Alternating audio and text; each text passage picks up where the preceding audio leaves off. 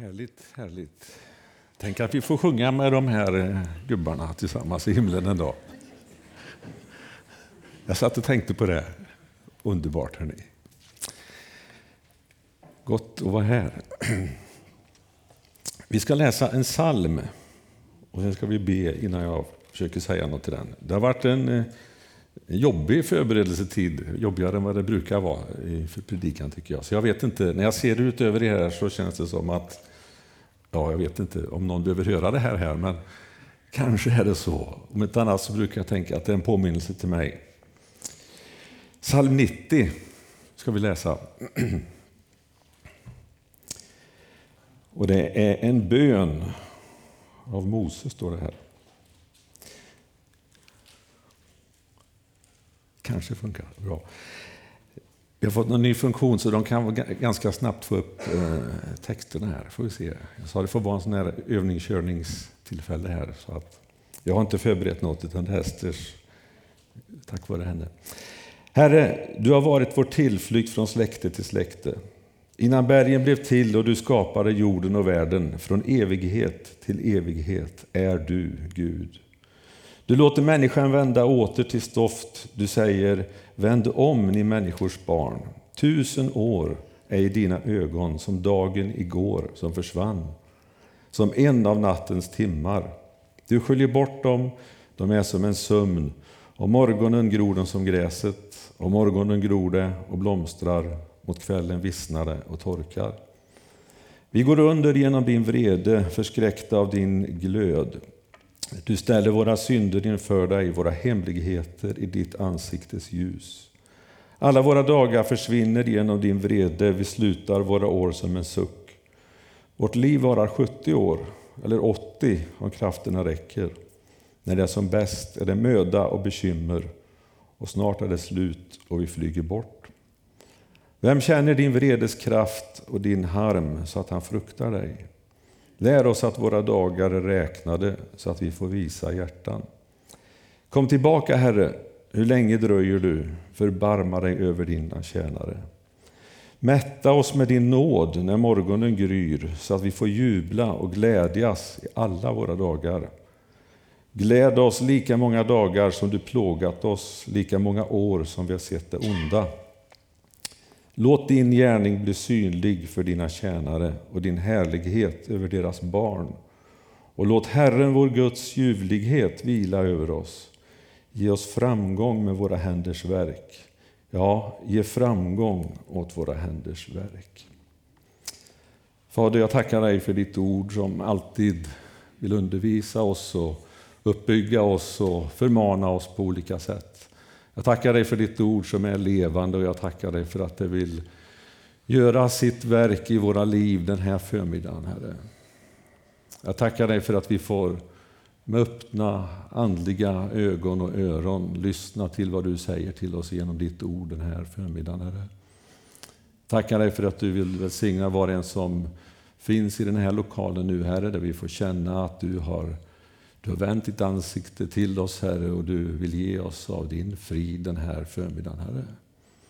Jag tackar dig för att du vill, Herre, bara än en gång påminna oss om din otroliga nåd och din omsorg om oss varje dag, Herre.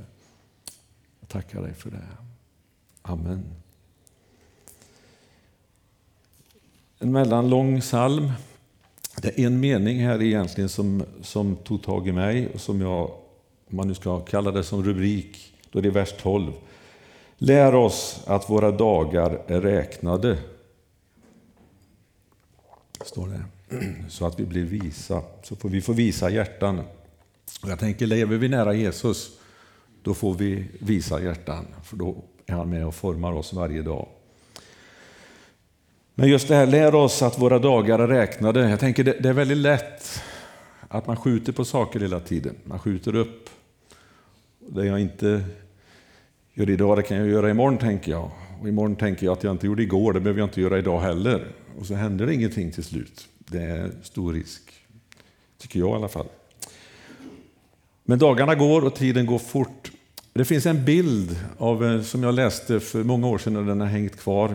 Kanske har sagt den en gång tidigare här, men det är en bild av en sjö. Ganska stor sjö. Och så börjar det växa vass, eller någon växtlighet i ena änden. Och varje dag så fördubblas den här växtmassan. Och när halva sjön är igenväxt då kan man tycka att det är ganska mycket vatten kvar. Men tänker man på den takten som det fördubblas, det innebär att den dagen vi tycker att ja, men hälften är kvar, så är det sista dagen egentligen. För dagen efter så har sjön växt igen. Man har det som en bild framför sig. Noa han byggde på sin ark. 120 år är väl tolkningen här som står i Bibeln. Ganska lång tid, men även de 120 åren tog slut. En dag gick Noa in i arken och Gud stängde dörren. Och så var den tiden över, så att säga. Vi läser här att våra år, vårt liv, det varar 70 år eller 80 om krafterna räcker. Man kan tycka att det finns tid, även om jag i alla fall då i den eh, tidsperspektivet har passerat mer än hälften och drygt det. Så man vet aldrig. Vi har inga garantier för vad morgondagen har med sig, tänker jag. Och Jesus han talar vid ett tillfälle till en, eh, vad jag förstår, väldigt framgångsrik person. I Lukas kapitel 12. Det blir några bibelställen här. Jag tycker det är bra att luta sig emot. Lukas 12 och från vers 15. Då står det så här. Sedan sa han till dem, se till att ni aktar er för all slags girighet, för livet handlar inte om att ha överflöd på ägodelar. Och han berättade en liknelse för dem. En rik mans åkrar hade gett god skörd. Han frågade sig själv, vad ska jag göra? Jag har ingen plats för mina skördar. Jo, så här ska jag göra, tänkte han. Jag river mina lador och bygger större och där samlar jag all min säd och allt mitt goda. Sedan så kan jag säga till mig själv, kära själ, du har samlat mycket gott för många år. Ta det nu lugnt, ät, drick och var glad. Men Gud sa till honom, din dåre, i natt ska din själ avkrävas av dig. Och vem ska då få det du har samlat? Så går det för den som samlar skatter åt sig själv, men inte är rik inför Gud. Man kan tycka att man har, har det gott och man samlar för att lite längre fram njuta av det. Och nu, mina vänner, Kevin hade dansat och jag ska åskådliggöra Jag ska vara riktigt så här, eh, oj, det här, ser ni vad långt, ett rep. Och det var en väldigt bra bild, det är inte jag som har eh, kommit på den, men den var väldigt talande och väldigt bra, så den vill jag dela med mig. Det är vitt här. Vet ni vad det är? Munstycke. Munstycke. bra, men det är det inte. Det här, det är livet hörni, som vi lever här nere. Då kanske ni kan ana vad det är. Det är evigheten. Och precis som den här rike dåren som han sa, så är det så många här idag, om detta nu är 80 år då, eller 100 eller vad vi nu blir, så är det så många som jobbar och sliter och sparar för att den här sista fem millimetrarna när vi går i pension, då ska vi ha det så bra. Och Jesus säger, vi vet inte något om morgondagen. Och om man tittar på den här lilla 5 mm fjutten här, till detta. Ja, ni förstår.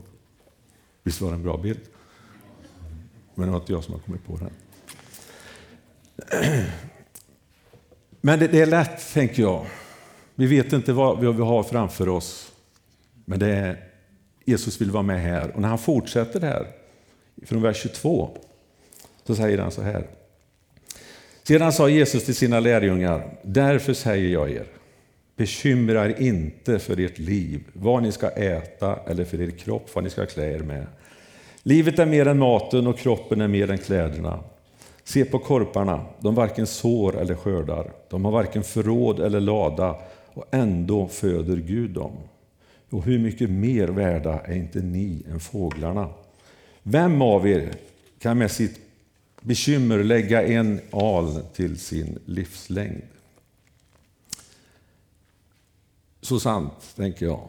Gud har omsorg om oss. Vi behöver inte samla skatter här egentligen. Det är klart, vi får leva på ett förnuftigt sätt Inte det jag står och säger något annat, men det finns någonting mer och vi vet inte hur många år och hur lång tid vi har här. Och vi vet som sagt var inte vad morgondagen har med sig.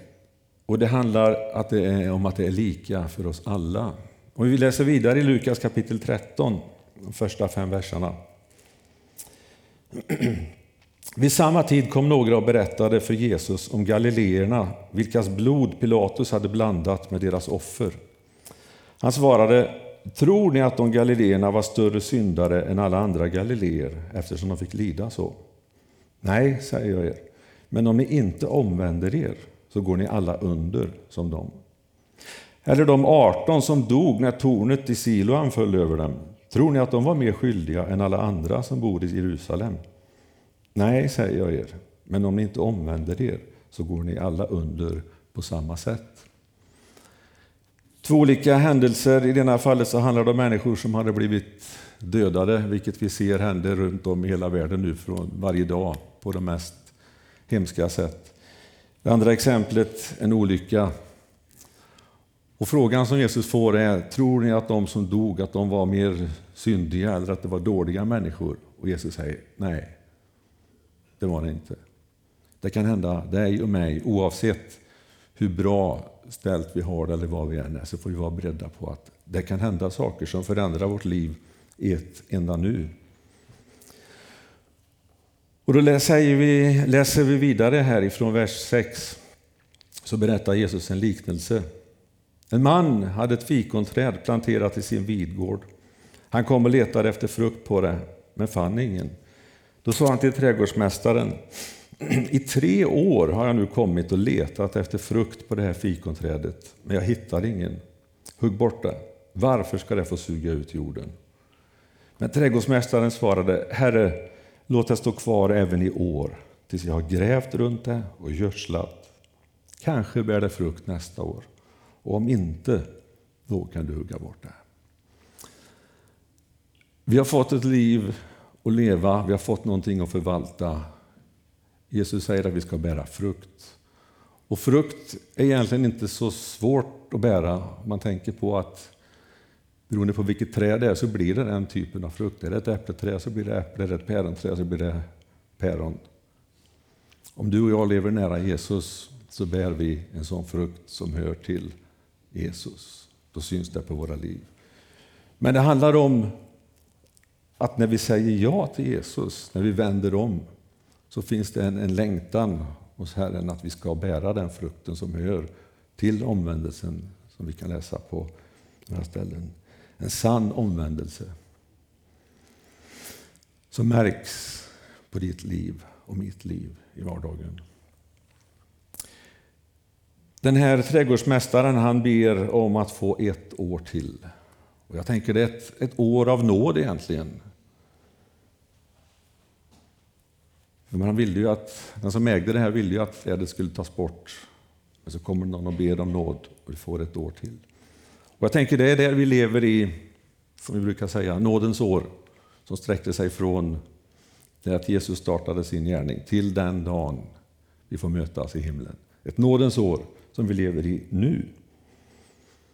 Men jag tänker att varje dag, eller nästan som man märker nu, varje timma som går så går det här året mot sin avslutning. Och frågan är, hur förvaltar jag detta? Lär mig, Herre, att mina dagar, de är räknade. Och om vi läser ifrån Jesaja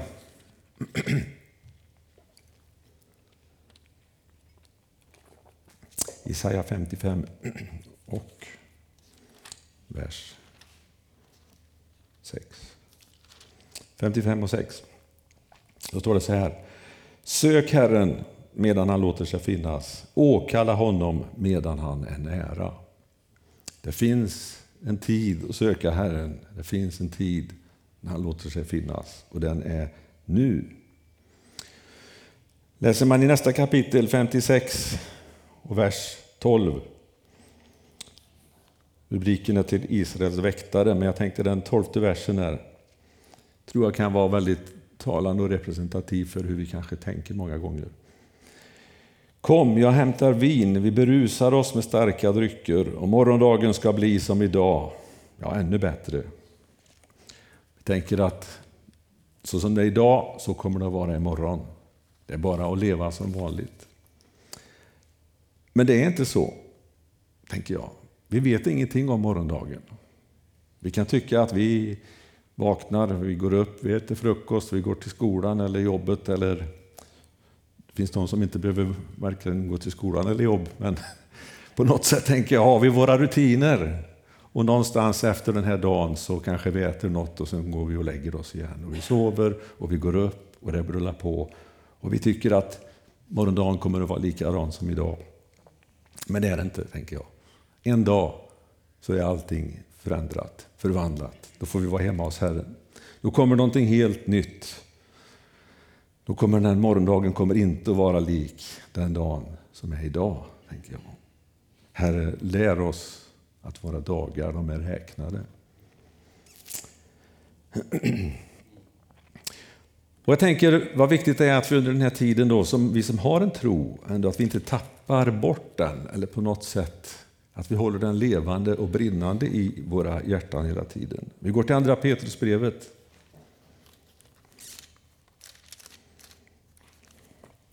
Andra Petrusbrevet kapitel 3. Verserna 3 till 6 och 11. Framförallt ska ni veta att i de sista dagarna kommer hånfulla människor som drivs av sina begär och som hånar er och säger hur går det med löftet om hans återkomst? Sedan fäderna dog har ju allt fortsatt precis som det varit sedan skapelsens början. De bortser medvetet från att för länge sedan fanns himlar och en jord som uppstod ur vattnet och genom vattnet i kraft av Guds ord. Och genom vatten och Guds ord dränktes den dåtida världen och gick under. Och så vers 11. När nu allt detta går mot sin upplösning, hur heligt och gudfruktigt bör ni då inte leva? Även om vi kan tycka att morgondagen blir likadan som gårdagen, så är det inte så, säger ordet här. Det har inte alltid varit som det är idag och det kommer inte att förbli så heller. Och även om vi får ut, utsätts för de här hånet som det står om här och människor tycker att ni är dumma, som kan, hur kan ni tro på något sånt när det ser ut som det gör? Håll fast vid din tro, tänker jag, i detta.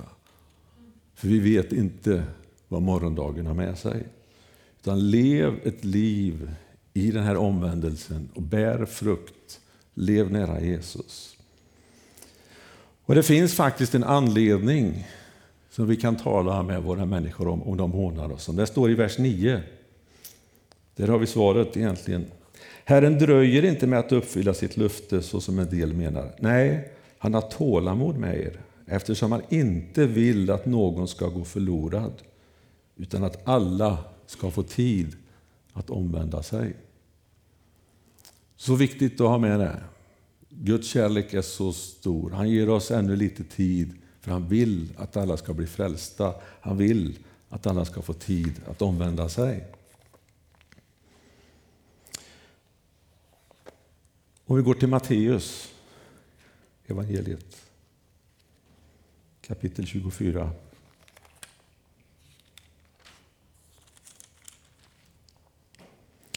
Kapitel 24 och 25 är ju högst aktuella och, och både läsa och se vad som sker.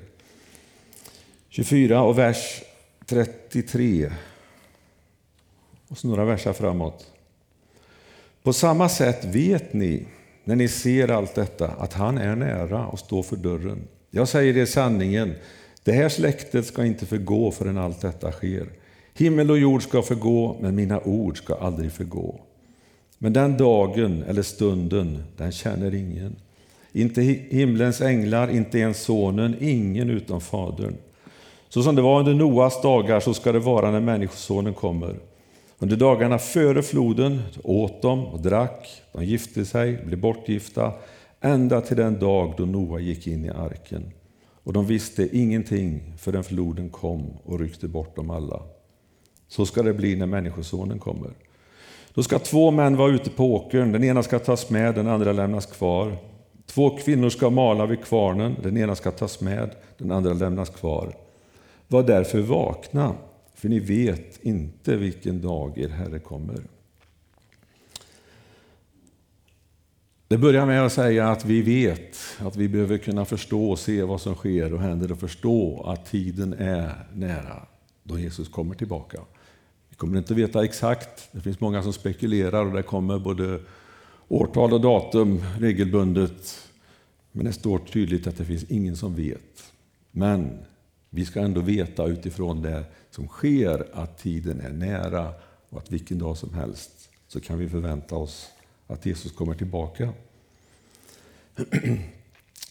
Och jag tänker, många som har sett ett sånt litet timglas som man kan vända och vippa på. Med lite sand i. När man startar det och all sand är i övre delen så kan man tycka att det händer inte mycket. Man ser att det rinner lite där nere, men det, det händer inte mycket. Det går väldigt, väldigt sakta. Men sen när det nästan är slut, det rinner ju hela tiden lika fort egentligen igenom. Men det sista man tittar på det bara, whoop, det är borta, det är slut. Och jag tänker det är lite så här med, som jag försöker på något sätt få fram. Vi kan tycka att det är lång tid kvar, men det här sista sen, så snabbt. Och det är precis vad Bibeln talar om också. Det kommer att ske snabbt, det kommer att hända en dag. I vers 42 står det, var därför vakna. Är vi vakna? Tänker jag. Är du vaken? Vad innebär det att vara vaken? Och det finns säkert kanske flera bitar eller flera saker man kan lyfta upp här. Men det som slog mig det är att vara vaken, det innebär att vara bedjande. Att vara bedjande över att Gud visar mig och lär mig den tid som jag lever i. Och hjälp mig att vara rätt i förhållande till dig och hur jag lever. När Jesus och lärjungarna är i Getsemane så säger Jesus till lärjungarna Stanna här och vaka med mig. Jag tänker det är någonting som har med vakenhet att göra. Och Sen säger han också vaka och be att ni inte kommer i frestelse. Jag tänker det är också någonting som jag är helt övertygad om berör oss idag. Att vi behöver vara vakna och att vara vaken innebär att be över Herre, hjälp mig så jag inte kommer i frestelse. För då har jag svårt att leva i den här omvändelselivet. Men om jag ber över detta så kan jag också leva i omvändelse. Får man inte sova då? Jo, man får sova. Vi kan gå till Lukas 17. Lukas 17.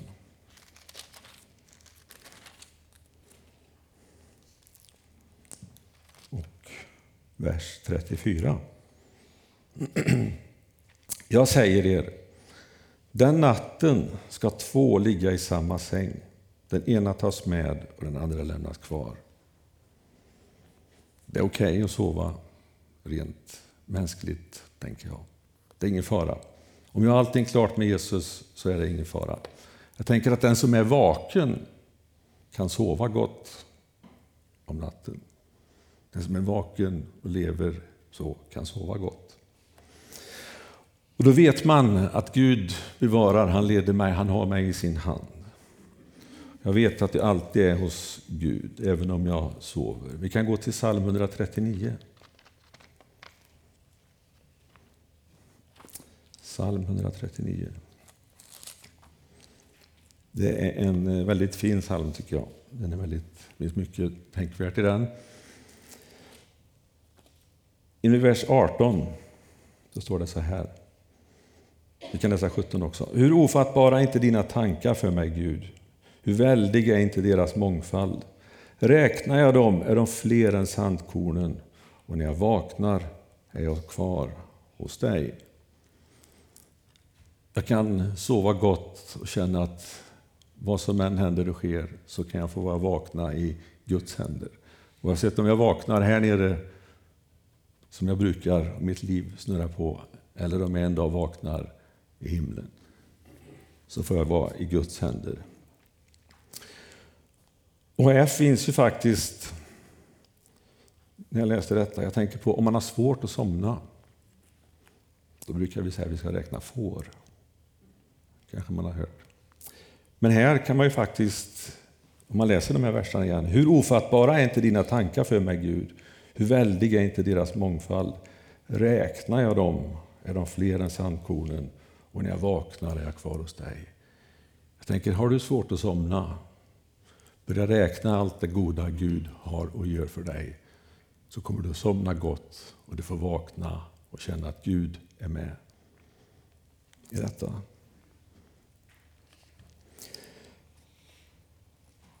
Jag tänker att när vi, om vi förstår att våra dagar är räknade så gör det någonting med mitt liv, mitt sätt att leva. Det gör någonting med min tro, det gör någonting med hur jag förvaltar både min tid och mina pengar. I vers 16 här i samma psalm står det Dina ögon såg mig när jag bara var ett foster. Alla mina dagar blev skrivna i din bok, formade innan någon av dem hade kommit. Gud har en tanke och en plan med våra liv. Det som kommer an på dig och mig, tänker jag, det är att be Gud visa mig dina tankar och hjälp mig att leva i detta. Och Det tror jag är ett sätt att bära frukt, att be den bönen och leva på det sättet. Benen i min kropp var inte osynliga för dig när jag formades i det fördolda, när jag bildades i jordens djup. Dina ögon såg mig när jag bara var ett foster. Alla mina dagar blev skrivna i din bok, formade innan någon av dem hade kommit. Redan när vi är ett litet foster så ser Gud till dig och mig. I Sverige varje år så är det mellan 30 och 38 000 fosterbarn som inte får se dagens ljus. I Skövde kommun bor det ungefär 40 000. Förra året, 2022, var det 35 450 barn som inte fick leva det liv som Gud hade tänkt.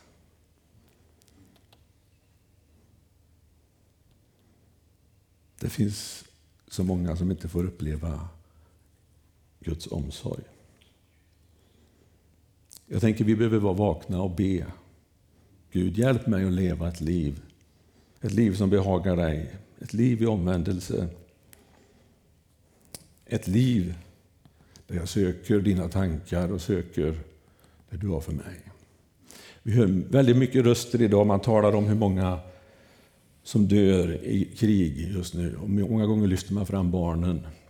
Jag tänker Sverige behöver omvända sig detta. Det är en sån dubbelmoral. I fjol 35 450 barn i Sverige fick aldrig uppleva de tankar som Gud hade. Om det här vore sista dagen som vi hade att leva innan Herren kommer, hur skulle jag leva den dagen? Skulle jag känna att Gud, jag är din vilja, jag behöver inte ändra på någonting, jag gör precis det du har kallat mig till. Eller om jag tänker den tanken att det här är sista dagen, skulle jag ändra på någonting i mitt liv då? Och om vi tänker att vi vet ingenting om morgondagen, det här kan vara sista dagen. Antingen för mig personligen, mitt hjärta kan stanna. Eller så kommer Herren och hämtar mig.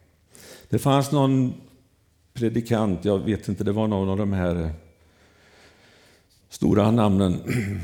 Jag kommer inte ihåg namnet vem det var, men jag vet att han fick den här frågan en gång. Vad skulle du göra om, det här, om du visste att det var sista dagen som du hade att verka för Herren? Och svaret som han gav, det var, jag skulle inte ändra på någonting. Jag skulle leva på samma sätt idag som jag gjorde igår, som jag gjorde i förrgår.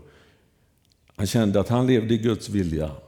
Han gjorde det Gud hade kallat honom till, oavsett vilken dag det var.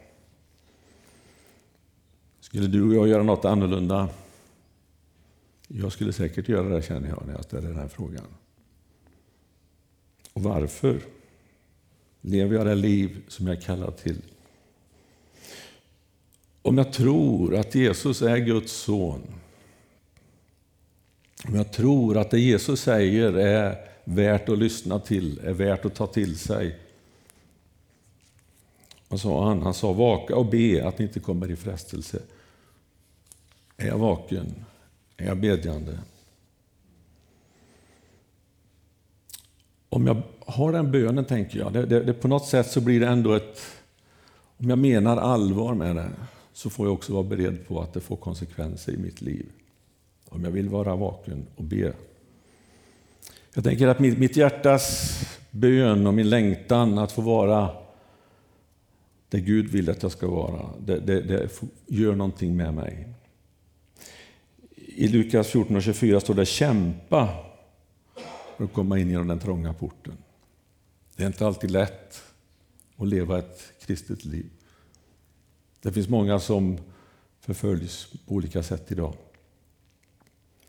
Men vikten av det tror jag vi kan se om vi tittar i Andra Samuelsboken. Andra Samuelsboken kapitel 11. David. Det står så här, nästa år vid tiden då kungar drar ut i fält sände David iväg Joab och med honom sina tjänare och hela Israel. De förgjorde ammoniterna och belägrade Rabba, men David stannade kvar i Jerusalem. I den tjänst, i det förtroende, i det uppdrag, i den kallelse, eller vad vi vill kalla det, som jag har fått, så tror jag det är viktigt att stanna kvar i detta. Vid den tiden då kungar drar ut i fält, kungarna drog ut för att slåss, men David valde den här gången, nej jag går inte ut, jag stannar hemma. Det står inte exakt så, men på något, av någon anledning stannar han hemma i alla fall. Och vi vet hur det gick. Niklas talade om det för några söndagar sedan. Han gick där på taket och såg en, en vacker kvinna som badade. Han var inte på den plats som Gud hade tänkt att han skulle vara. Och jag tänker, är jag på den plats som Gud vill att jag ska vara? Eller lever jag någonstans borta i periferin? Vad får det för konsekvenser? Konsekvensen för David, det var om man tittar lite längre fram, det var att han fick leva hela sitt liv. Det var stridigheter, det var krig och det var elände. Det var konsekvensen av detta. Så viktigt att be, inled mig inte i frestelse. Tänker jag. Men att be detta, be och få vara vaken och be om bönen och samtidigt göra något annat, det blir inte något som hänger samman.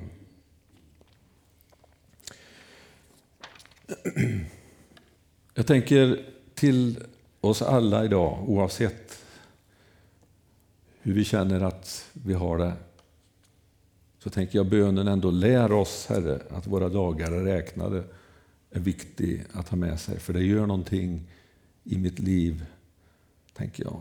Hur jag förvaltar min tid, hur jag tar tillfällena, hur jag använder min ekonomi. Och ber den här bönen, inled mig inte i frestelse, utan hjälp mig att leva ett liv i omvändelse, hjälp mig att leva ett liv som bär frukt. Och vi har fortfarande tid att ändra oss. Vi sitter ju här, tänker jag. Jesus har inte kommit tillbaka än. Det finns tid, men vi vet inte. Det kanske är sista gudstjänsten vi har. Vi vet ingenting om eftermiddagen eller morgondagen. Livet kommer troligtvis inte att bli detsamma. Eller troligtvis, det kommer inte att bli det. Och det här fina repet, den här lilla, lilla tiden vi har, och så många som bara siktar på de här sista millimetrarna. Jag vill be med oss, och vi har förebedjare här, vet jag, som gärna vill be och hjälpa oss att be. Med oss och för oss. Vi kanske känner att vi har allting klart, men många gånger så tror jag att om vi, vi rannsakar oss och, och ber så finns det saker som vi troligtvis behöver ta tag i. Och låt det få vara en stund då du ber Herre, över mig just nu. Hjälp mig Herre att förstå du har en plan, du har en tanke med mitt liv, men jag vet inte hur länge och hur lång tid. Jag vet att jag kommer att sjunga ett par sånger till här och förbönsplatsen kommer att vara öppen. Så känner du att Herre, hjälp mig. Sänd någon och be för mig, så gå fram. Herre, jag, jag vill tacka dig än en gång för att du, du talar till oss, Herre, och du har en tanke och en plan för oss alla, Herre. Jag tackar dig för att du tänker större tankar än vad vi någonsin varken kan eller kanske vågar tänka, Herre. Tackar dig för att du har format oss och skapat oss och du har lagt ner någonting i våra liv ända från, från skapelseögonblicket, Herre, innan vi ens Herre, såg ljuset och tog vårt första andetag. Jag tackar dig för din oerhörda omsorg och jag tackar dig för att det finns Herre, upprättelse att få i dig och genom dig, Herre. Jag tackar dig för att du, du vill använda oss i de tjänster och med de gåvor du har lagt i våra liv, oavsett vad, Herre. Men låt den här bönen att vi får vara på rätt plats och vid rätt tillfälle, att den skulle få prägla våra liv, Fader. Oavsett om det är någonting du har kallat oss till som syns och hörs i det offentliga, Herre, eller om det är någonting mera tyst och kanske lite grann bakom kulisserna, Herre. Men det du har satt oss, Herre, där vill vi tjäna och vara trogna. Jag tackar dig Herre för att det finns förlåtelse och upprättelse att få om vi har vikt av ifrån detta och vi känner att du knackar på vårt hjärta och du påpekar saker och ting Herre att önskar att du vore där eller där. Om vi hör den rösten och vi hör den kallelsen så tackar jag för att du vill också hjälpa oss och ge oss kraften att förflytta oss och förändra våra liv och leva det livet som du vill Herre. Jag tackar dig för att oavsett vad vi har gjort och vad som ligger bakom oss, Herre, så finns det förlåtelse att få, Herre. Jag tackar dig för att från den här dagen och framåt, Herre, om vi väljer att, att bjuda in dig på allvar i våra hjärtan och menar den bönen som vi uttalar med våra ord, med vår mun, så vill du också, Herre, hjälpa oss i det här. Jag tackar dig för det. Tack att du hör bön och tack för att du än en gång bara ser till oss som är här idag. Du vill hjälpa oss och du vill lyfta oss. Och du vill bära oss här och vi kan, precis som vi läste, vi kan sova gott Herre och vi känner att vi kan få vakna i dina armar oavsett om vi vaknar i vår säng Herre eller om vi får vakna en dag tillsammans med dig i himlen. Jag tackar dig för det. I Jesu namn. Amen.